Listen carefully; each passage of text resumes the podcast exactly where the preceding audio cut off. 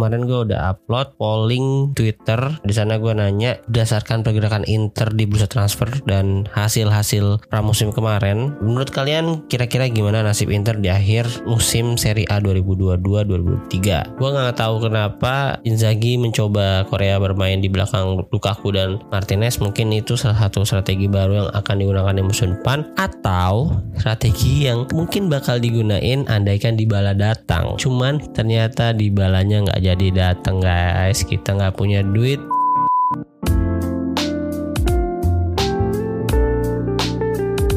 Halo selamat pagi, siang, sore, dan malam Kembali lagi bersama gue di Interisme Podcast Podcast yang bahas berita-berita seputar Inter Yang gue kutip dari sosial media dan portal-portal berita olahraga Akhirnya gue kembali ngetek nih untuk episode pertama di season 3 kali ini. Ya gue udah absen beberapa minggu lah ya Hampir sebulan kali ya. Pas sebulan lebih gue juga lupa. Niatnya sih kemarin rehat atau absen sejenak itu untuk mencari ide baru Format baru atau ide-ide fresh lainnya lah intinya. Cuman ya sejauh ini sih belum ada yang signifikan banget perubahannya menurut gue Kayaknya bakalan tetap konsepnya tetap akan membacakan berita-berita yang gue baca di sosial media media kayak Twitter atau Instagram. Cuman mungkin nanti yang beda di segi teknis editingnya atau tema-tema pembahasan kontennya kali yang bakal gue gali lagi lebih dalam. Oke, okay? uh, thank you untuk teman-teman yang udah mendengarkan di season 2 kemarin dan mungkin ada yang menunggu gue. Ini aja dulu ya. Ada nggak sih yang nungguin episode gue? Kenapa nih Intas podcast nggak upload upload?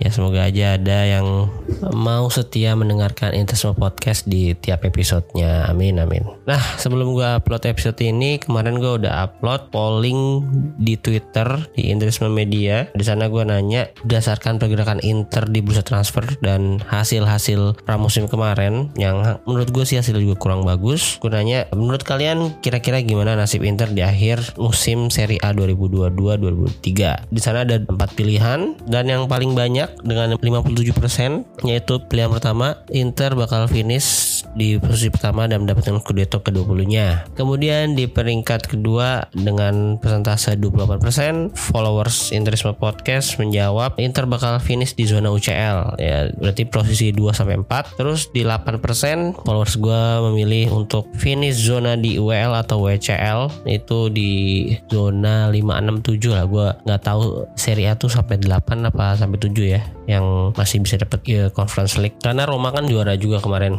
Nggak tahu dapat jatah tambahan atau enggak cuman yang pasti Roma itu karena ya memang posisi kemarin juga posisinya di Europa League sih. Kan hadiahnya Conference League itu lolos otomatis ke grup Europa League. Tapi Roma juga di posisi Europa League kemarin finishnya di Serie A. Jadi nggak ngaruh juga. Terus pilihan terakhir yang paling sedikit dipilih oleh followers-followers gue di Interisme Media yaitu terlempar dari zona Eropa dengan persentase 7% Nah jadi dari beberapa teman-teman followers gue di Twitter tampaknya masih optimis ya, masih optimis Inter bisa Scudetto ke-20 di akhir musim nanti. Ya gimana ya? Jujur gue sebenarnya agak sedikit pesimis. Cuman kalau gue belum ngelihat tandingan Inter di Serie A sesungguhnya, gue masih akan tetap optimis Inter juga bisa dapat Scudetto ke-20-nya. Sama seperti 57% teman-teman followers Interisme Media, Interisme Podcast yang sudah melakukan polling di Twitter. Kenapa gue masih optimis? Karena ya sama kemarin itu pertandingannya masih pramusim. Gue nggak tahu emang itu strategi Inzaghi untuk nahan-nahan kemampuan pemainnya, kemampuan timnya bermain secara individual maupun secara tim atau memang lagi cari-cari strategi baru atau ya jaga-jaga biar nggak cedera atau kelelahan ketika bertanding di Serie A nanti. Nah, Inter akan bermain tanggal kalau eh, waktu Indonesia Barat itu hari Minggu. Hari Minggu jam setengah dua melawan Lecce main tandang ya tanggal 14 Agustus. Setengah dua lewat 15 menit lah pokoknya 145 seperti biasa jadwal Serie A yang sangat tidak apa ya bersahabat dengan orang-orang Indonesia orang-orang Asia Asia Tenggara lah ya. Walaupun ini hari Minggu ya sebenarnya kan masyarakat masyarakat Indonesia juga hari Minggu itu kadang-kadang ada yang mau bangun pagi ada yang mau CFD ada yang mau olahraga. Ya macam-macam lah ya nggak setiap orang itu pengen bangun siang siang di hari Minggu. Untuk pertandingan pramusim kemarin, ya semoga aja emang Inzaghi dan tim masih menahan-nahan dan belum mengeluarkan kemampuan terbaiknya, masih menyimpan untuk laga sesungguhnya di musim depan ya di Serie A, Coppa Italia, UCL. Semoga masih bisa lebih baik daripada lima pertandingan pramusim yang kita tonton kemarin tuh. Gue jujur sih gue sebel banget nontonnya ya, apalagi di babak pertama kadang-kadang tuh ya elah kayak nahan, nahan banget gitu defense yang gak mau pressing sedangkan tim-tim lain tuh ya udah main biasa aja main kayak ya mereka juga nggak serius-serius banget sih gue ngeliat ya nggak serius-serius kecuali si Air Challenge ya itu lawan Lens tuh mereka serius banget sampai sering banget protes ke wasit. Nah kalau gitu gue akan coba ngerekap sedikit lima pertandingan tersebut ya dimulai dari pertandingan pertama lawan musuh bubuyutan. Bukan bubuyutan sih musuh andalan Inter justru nih. Yang selalu di tiap musimnya lawan Inter mulu di pertandingan pertama pramusim yaitu ada FC Lugano. Yang logonya juga udah agak ada pergantian nih ya masih mirip-mirip Inter lah. Masih ada unsur logo Inter yang dulu yang kemarin tuh yang pokoknya huruf digabung-gabung dalam buletan. Masih ada gitu cuma sekarang ada ada segi enamnya gitu sekarang di luarnya. Ketika melawan uh, Lugano kemarin memang beberapa pemain utama belum mampu eh belum mampu belum mampu sih emang. Karena baru datang ke Apiano Gentile ya ke pusat latihan. Jadi pertandingan ini didominasi oleh pemain-pemain Primavera juga. Untuk starternya waktu itu ini sebenarnya di pertandingan yang gak resmi itu pertandingan uji coba di lapangan sendiri itu mereka juga ada lawan beberapa ya yang yang tim-tim seri D atau bahkan tim Tarkam gitu lah ya. Inzaghi sempat mencoba uh, formasi 3-4-1-2 bukan 3-5-2 dengan ada Korea di belakangnya tapi ketika Lugano formasinya tetap 3-5-2 ya awalnya kiper Handanovic. Nah ini backnya nih kita nggak ada back sama sekali si Bastoni De Vrij sama Skriniar belum main di pertandingan ini jadi tengahnya ada Ambrosio kanannya Darmian kirinya ada Fontana Rosa yang lumayan bagus menurut gue di pertandingan tersebut. Cukup ya karena lawannya Lugano juga sih ya. Cukup bisa menjaga pertahanan terus ya dia kayaknya uh, look up to ini ya Bastoni ya mirip karena dia kidal juga dan posturnya juga agak-agak mirip. Terus di tengahnya ada Agume Aslani Mikitarian ini duet Agume Aslani cukup menarik buat gue gue cukup enjoy nonton mereka. Agume juga masih bagus. Sebenarnya daripada agak-agak ini sumpah Agume aja yang dimainin. Cuman ya gue nggak tahu apa pilihan Inzaghi. Terus kanannya ada Raul Villanova dan Robin Gosens. Depannya striker duetnya kembali dengan Romelu Lukaku dan Lautaro Martinez. Yang ini pertandingan resmi pertamanya mereka berdua kembali. Di pertandingan ini walaupun di awal-awal laga udah mendapatkan gol cepat dari Danilo D'Ambrosio ya emang andalan lah dia kalau bola-bola atas corner segala macam bisa diandalkan lah D'Ambrosio nih. Tapi permainan dari sisi sayap itu masih stagnan monoton gitu-gitu aja. Raul Villanova dapat bola nggak berani facing ke depan balik passing balik passing balik lagi. Gosens pun begitu gue juga nggak ngerti. Gosens gue yakin nggak beda jauh levelnya sama Perisic cuman emang gaya bermain yang beda. Nah Inter musim lalu memang sering bertumpu kepada sisi kiri di mana Perisic ada di situ yang dia punya kreativitas dia punya skill untuk one on one melewati lawan crossingnya juga lumayan bagus. Selain crossing dia punya ada pilihan untuk cut in. Nah banyak lah variasinya. Nah Segosen ini memang tipe-tipe pemain yang harus dimanjakan oleh terupas-terupas. Jadi dia nggak bisa ngelewatin lawan one on one sendiri gitu. Jarang lah dia bisa. Pokoknya dia di pertandingan ini dia cuman ya passing dapat bola passing ke belakang dapat bola passing ke belakang. Padahal itu pramusim dan lawannya cuman Lugano kayak nggak berani banget gitu dia facing one on one gitu. Nggak mau coba. Terus di babak kedua nih yang agak menarik Inter akhirnya memasukkan si Korea jadi mainnya 3-4-1-2 dan ini counternya lumayan menarik waktu lawan Lugano ini. Akhirnya gue ngeliat Inter punya counter yang berbahaya lagi. Terus yang cetak gol di sini adalah otomatis dua gol satu lagi Korea. Nah Korea juga di pertandingan ini main bagus ya. Gue nggak tahu kenapa Inzaghi mencoba Korea bermain di belakang Lukaku dan Martinez. Mungkin itu salah satu strategi baru yang akan digunakan di musim depan. Atau strategi yang mungkin bakal digunain andaikan Dybala datang. Nah cuman ternyata Dybalanya nggak jadi datang guys. Kita nggak punya duit untuk bayar gaji dan bayar agency fee-nya karena waktu itu juga si Alexis Sanchez belum cabut nggak mau cabut bilangnya. Ah, cuman nih sekarang setelah udah cabut kita kan masih bayarin 5 juta. Ya uang pesangon lah ya. 5 juta itu kalau misalnya dia dilepas. Nah kalau misalnya dia main musim ini katanya sekitar 9 sampai 12 juta. Cuman kalau melihat dari komposisi kemarin ya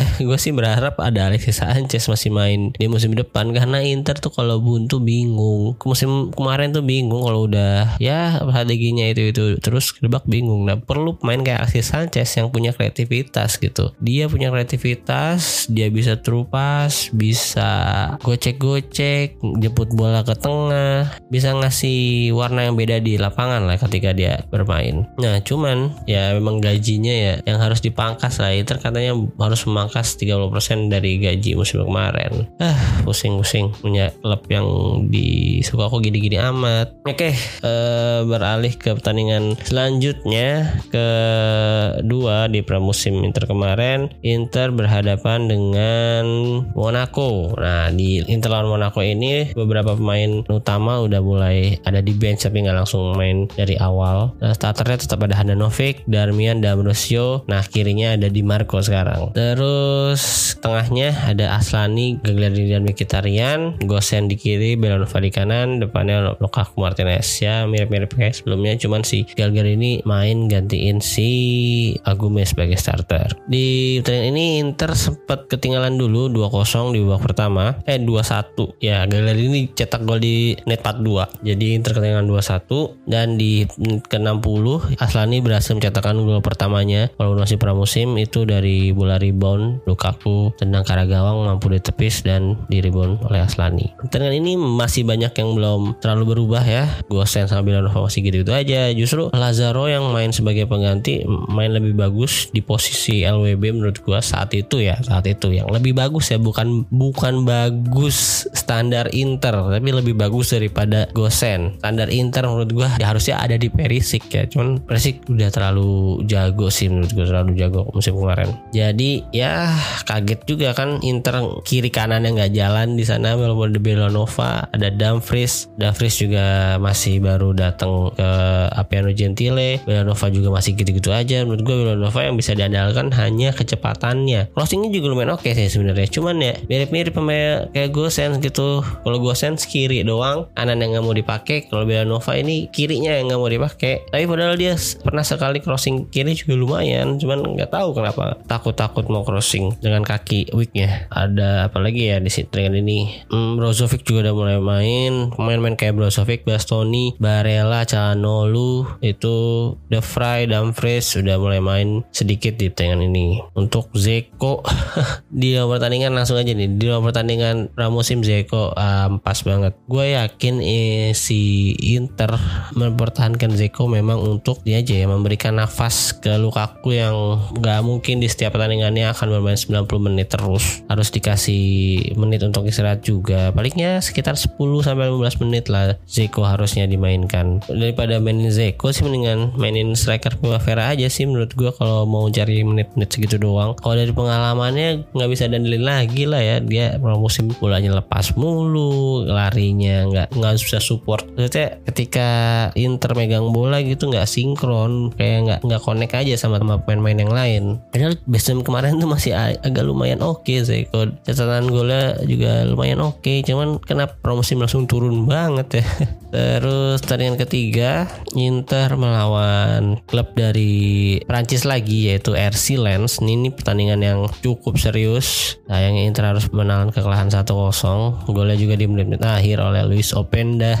di pertandingan ini Inter banyak kartu kuning ya. Brozovic, Zeko, Dumfries dari RC Lens juga banyak. Ada dua kartu kuning, tiga sama pemain cadangannya satu. Pertandingannya cukup serius ya, diseriusin banget sama RC Lens. Ini main Inter main tandang ke ke, Perancis ke sana supporternya juga lumayan ekstra banget gitu ngedukung RC Lens ya mungkin udah kangen juga nonton bola secara langsung ya di pertandingan ini starternya udah lumayan banyak main-main yang bermain starter musim lalu. Kayak Handanovic, De Vrij, Bastoni, Brozovic, Calhanoglu, Barella. Back satu lagi di belakangnya masih ada Skriniar belum main jadi masih Darmian. Terus kanannya Dumfries kirinya Lazaro menarik nih kemarin gue ini cukup oke juga Lazaro di pertandingan ini sebagai starter. Depannya Zeko sama Korea ini Korea apes banget dipasangin sama Zeko mulu. Jadi kayak nggak keluar bagusnya Koreanya. Padahal lawan Lugano tuh Korea udah bagus. Terus di babak kedua baru masukin pemain-pemain lainnya. Demi Kitarian Federico Di Marco Lautaro Martinez Aslani. Kordas juga bermain di pertandingan ini. Nah tapi kebobolan jadi kalah internya oh iya untuk Henry Mkhitaryan nih di beberapa pertandingan ini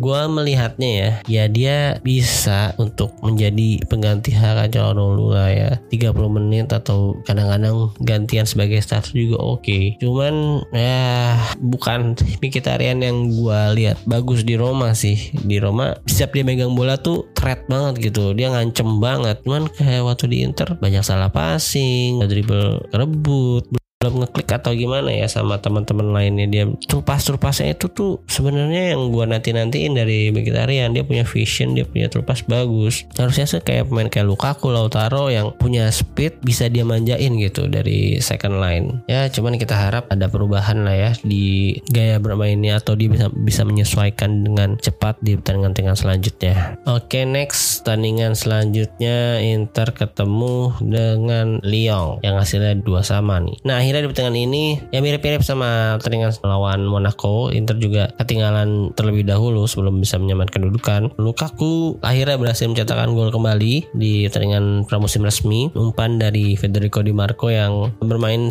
cukup bagus. Di sini akhirnya dia main sebagai LWB ya Bastoni udah balik ke starting line up nah ini ini formasi yang cukup gue sukai di Inter musim ini nih. Kipernya Onana backnya De Vrij Bastoni satu lagi D'Ambrosio karena senior juga belum fit banget banget lah ya belum main sebagai starter. Terus tangannya Brozovic Barella Celanolu. Karena ada Fritz kirinya Di Marco eh, depannya Lukaku Martinez. Di Marco ini memberikan gaya bermain yang berbeda terhadap Inter ketika dia main sebagai LWB ya karena Gosen Lazaro itu tuh bukan tipe pemain yang crosser crosser sebenarnya Gosen crosser ya. Di Atalanta dia sering nge-cross dan sering golin juga dari crossing. Nah, ketika dari RWB nya crossing dia juga bisa masuk ke tengah dan cetak gol. Cuman kenapa ya si Gosen apa gaya strateginya yang masih pakai strategi lamanya Inzaghi yang cara mainnya masih mengikuti cara mainnya Perisic. Gue juga masih heran cuman di Marco kan nggak bermain kayak Perisic. Di Marco dia bisa menyesuaikan dengan skill yang dia punya gitu. Dia memanfaatkan crossing crossingnya akhirnya dari crossingnya Lukaku bisa mencetakkan gol gitu. Nah gue jujur sih kalau Inter memang nggak mendatangkan LWB baru lagi ya di Marco aja sih yang main sebagai LWB ganti-gantian dengan Gosen nah tinggal cari LCB nya nih. Kabarnya si si Acerbi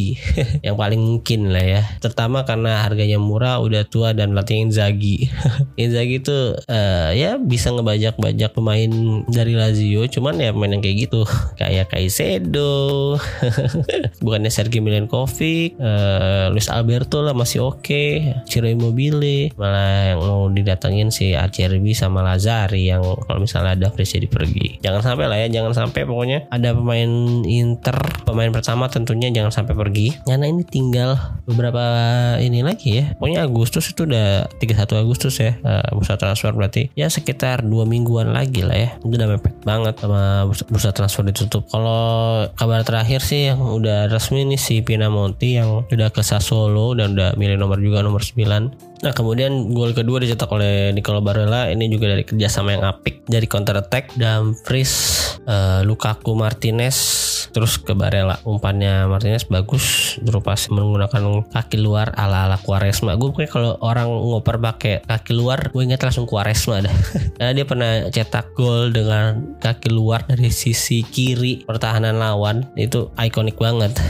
Dan pertandingan terakhir pramusim Inter yang resmi kemarin melawan Villarreal Villarreal yang harus kalah Inter dari tim tersebut dengan skor 2-4 dari segala macam aspek emang kemarin Villarreal main lebih bagus. Gol dicetak oleh Alfonso Pedraza 2 gol. Francisco Kellin 1 gol. Nicolas Jackson 1 gol. Sedangkan Inter hanya membalas pelawat Romelu Lukaku dan Danilo D'Ambrosio secara shoot on target shoot on target kemarin Villarreal itu 6 shoot on target dan 4 jadi gol. Kipernya siapa? Siapa lagi kalau bukan bukan Handanovic yang main 90 menit. De Vrij juga 90 menit, Aslani juga 90 menit. Kalau Aslani karena si Brozovicnya lagi cedera, oke okay lah. Tapi gue nggak lihat juga ada nama Lucien Agome di squad benchnya. Gue nggak ngerti kenapa dia nggak dibawa atau mau ditransfer ke mana ya. Gue juga belum baca uh, berita-beritanya. Mungkin ke Liga Prancis lagi atau ke tim Serie A. Gue harap sih tim Serie A ya, bukan tim Serie B lagi. Tapi di tim Serie A yang mau ngasih waktu bermain uh, reguler lah ya, reguler ganti-gantian gitu. Jadi nggak main 90 menit tiap pertandingan, cuman oke okay lah 60 menit, 30 menit gitu ganti-gantian. Terus Andre Onana juga nggak dimainin, Handanovic main 90 menit. Kasade yang harusnya dicoba gitu, karena kan kabarnya juga Chelsea mengincar Kasade ini cukup gencar lah ya. Ini pemain muda yang share exposure nggak terlalu banyak diberikan oleh Inter. Dia masih main di Primavera doang, di pramusim resmi itu nggak main sama sekali lawan even lawan Lugano. Eh lawan Lugano main deh bentar, itu juga bentar doang. Saya nggak main lagi, cuma dibawa di bench doang, tapi nggak dicoba. Harusnya dicoba kemarin daripada masukin Gagliardini, Gagliardini lagi, Gagliardini lagi, atau mau dicoba sebagai AMF gitu main di belakang uh, Lukaku dan Martinez, atau mau coba sebagai SS atau CF. Uh, nggak usah masukin Zeko yang kemarin juga ampas banget mainnya nggak ngerti lagi. Ini pertandingan ampas terus. Ini mendingan main-main muda. Fontana Rosa juga masih oke okay, dicoba. Kalau Lugano juga cukup bagus. Terus Mattia Zanotti yang bisa isi LWB RWB.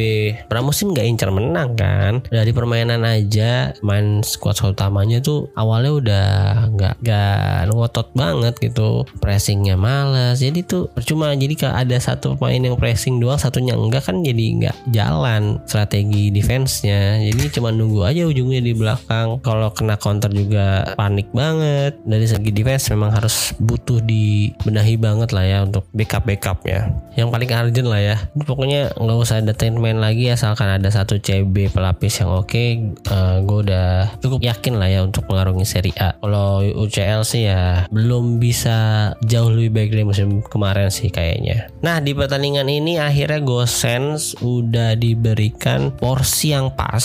Yang bukan pas sih belum pas banget. Cuman perannya tuh udah dikasih sesuai gaya bermainnya. Jadi strategi Inzaghi dan cara pemain Gosen udah mulai nyambung nih. Gosen semainnya yang butuh-butuh terupas crossing atau sering masuk ke box juga ketika crossing dari sisi lain udah mulai terlihat di pertandingan ini. Dan hasilnya satu eh dua shoot ke gawang lah. Nggak tak nggak on target on target banget sih. Satu yang dari crossing dari Dumfries itu lumayan bolanya mantul ke bawah dulu cuman agak melambung di atas pistar gawang. Itu cukup trademarknya Gosen ketika di Atalanta ya bola-bola kayak gitu dan finishing volley-nya pakai bagian dalam.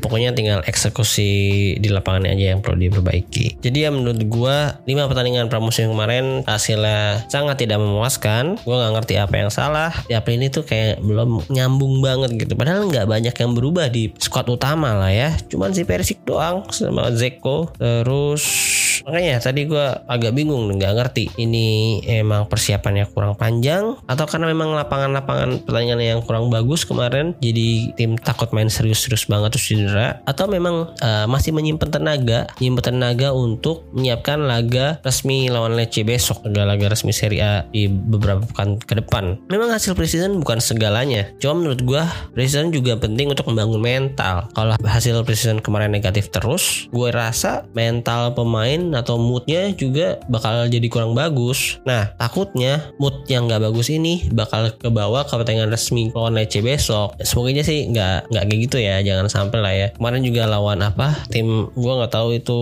tim ngampus atau tim Tarkam atau tim seri D namanya cukup panjang Inter uji coba menang 11-0 nah itu mungkin bisa jadi pelampiasan karena kemarin preseason resmi nggak menang-menang terus lawan tim yang levelnya jauh di bawah mereka bisa menang dengan skor segitu semoga bisa cukup jadi pelampiasan dan bisa memperbaiki mood mereka untuk mengarungi pertandingan Serie A besok. Dan sekali lagi harapan gue untuk manajemen yang saat ini lagi semeraut menurut gue. Gue nggak tahu internal lagi gimana. Cuman jersey away aja baru rilis hari ini. Gue akuin konsepnya bagus, modelnya bagus, jerseynya bagus, warnanya bagus. 9 menurut gue. Warna putih dengan aksen-aksen peta dunia berwarna hijau Tosca yang light gitu. Itu oke okay menurut gue mungkin bakal gue beli orinya musim ini. Tapi gue rasa penundaan launchingnya jersey ini karena memang permasalahan dengan sponsor utama yaitu Digital Beats sponsor utama di dada yang kabarnya pembayaran pertamanya nih bermasalah. Angsuran pertamanya bermasalah. Dan kontraknya memang cukup gede ya sekitar 25 juta. Itu oke. Okay. dan kan kontraknya udah 4 tahun nih.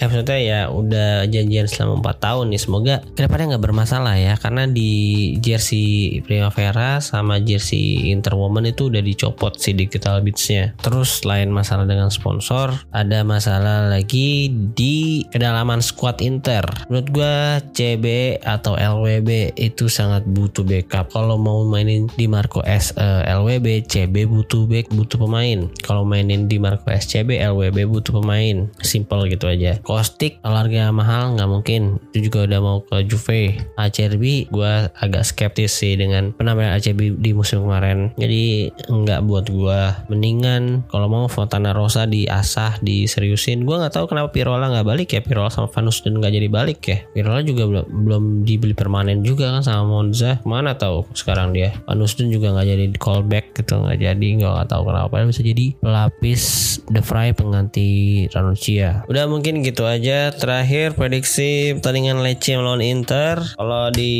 line up mungkin Handanovic masih akan jadi kiper utama backnya Skriniar The Fry Bastoni kanan ada Davres dan Gosens terus tengahnya Barella Calhanoglu Brozovic. Eh Aslani kabarnya Brozovic juga masih mengalami masalah di betisnya ya. Terus depannya ada Lautaro dan Lukaku. Untuk Aslani eh, gue cukup pede sih dengan penampilan dia di pramusim kemarin. Cukup oke salah satu pemain yang main bersinar dan step up karena ya, akhirnya Brozovic punya vice yang mumpuni. Uh, jadi mungkin ketika Brozovic nggak bisa main atau harus ditarik di menit ke 80 atau 70-an Inter nggak langsung timbang gitu nggak langsung anjlok mainnya lah ya. Gue rasa sih gitu. Terus duet Lukaku dan Lautaro kemarin di pertandingan pramusim secara chemistry pergerakan itu udah oke. Okay. tinggal eksekusinya aja nih tinggal eksekusi passingnya eksekusi tendangan ke gawangnya itu diasah. Ya harusnya sih karena dia dua tahun kemarin udah main bareng udah tinggal ya di ini aja lah dibiasain lagi aja lah ya. Mungkin segitu aja untuk pembahasan di episode kali ini. Terima kasih untuk teman-teman yang udah mendengarkan. Jangan lupa di follow akun sosial media gue kalau Twitter ada di Interisma Media uh, Instagram ada di Interisma Podcast. Kemarin gue juga baru ngepost di Instagram 5 episode yang paling sering didengerin di season 2 kemarin. Listnya bisa kalian lihat di situ. Bagi yang belum kalian bisa dengerin atau bagi yang udah kalian bisa dengerin ulang. Mau di Spotify di Noise boleh di Google Podcast boleh mungkin besok juga bakal ada di platform baru tungguin aja terus untuk teman-teman yang mau memberikan saran masukan kritik juga silahkan melalui sosial media tadi lewat DM boleh atau reply di kolom komen reply di kolom tweet pasti gue baca pasti gue bales yang sangat berterima kasih untuk teman-teman yang mau memberikan masukan segala macamnya pasti akan gue pertimbangkan. Udah gitu aja. Sekali lagi terima kasih. Arif Fidersi Forza Inter.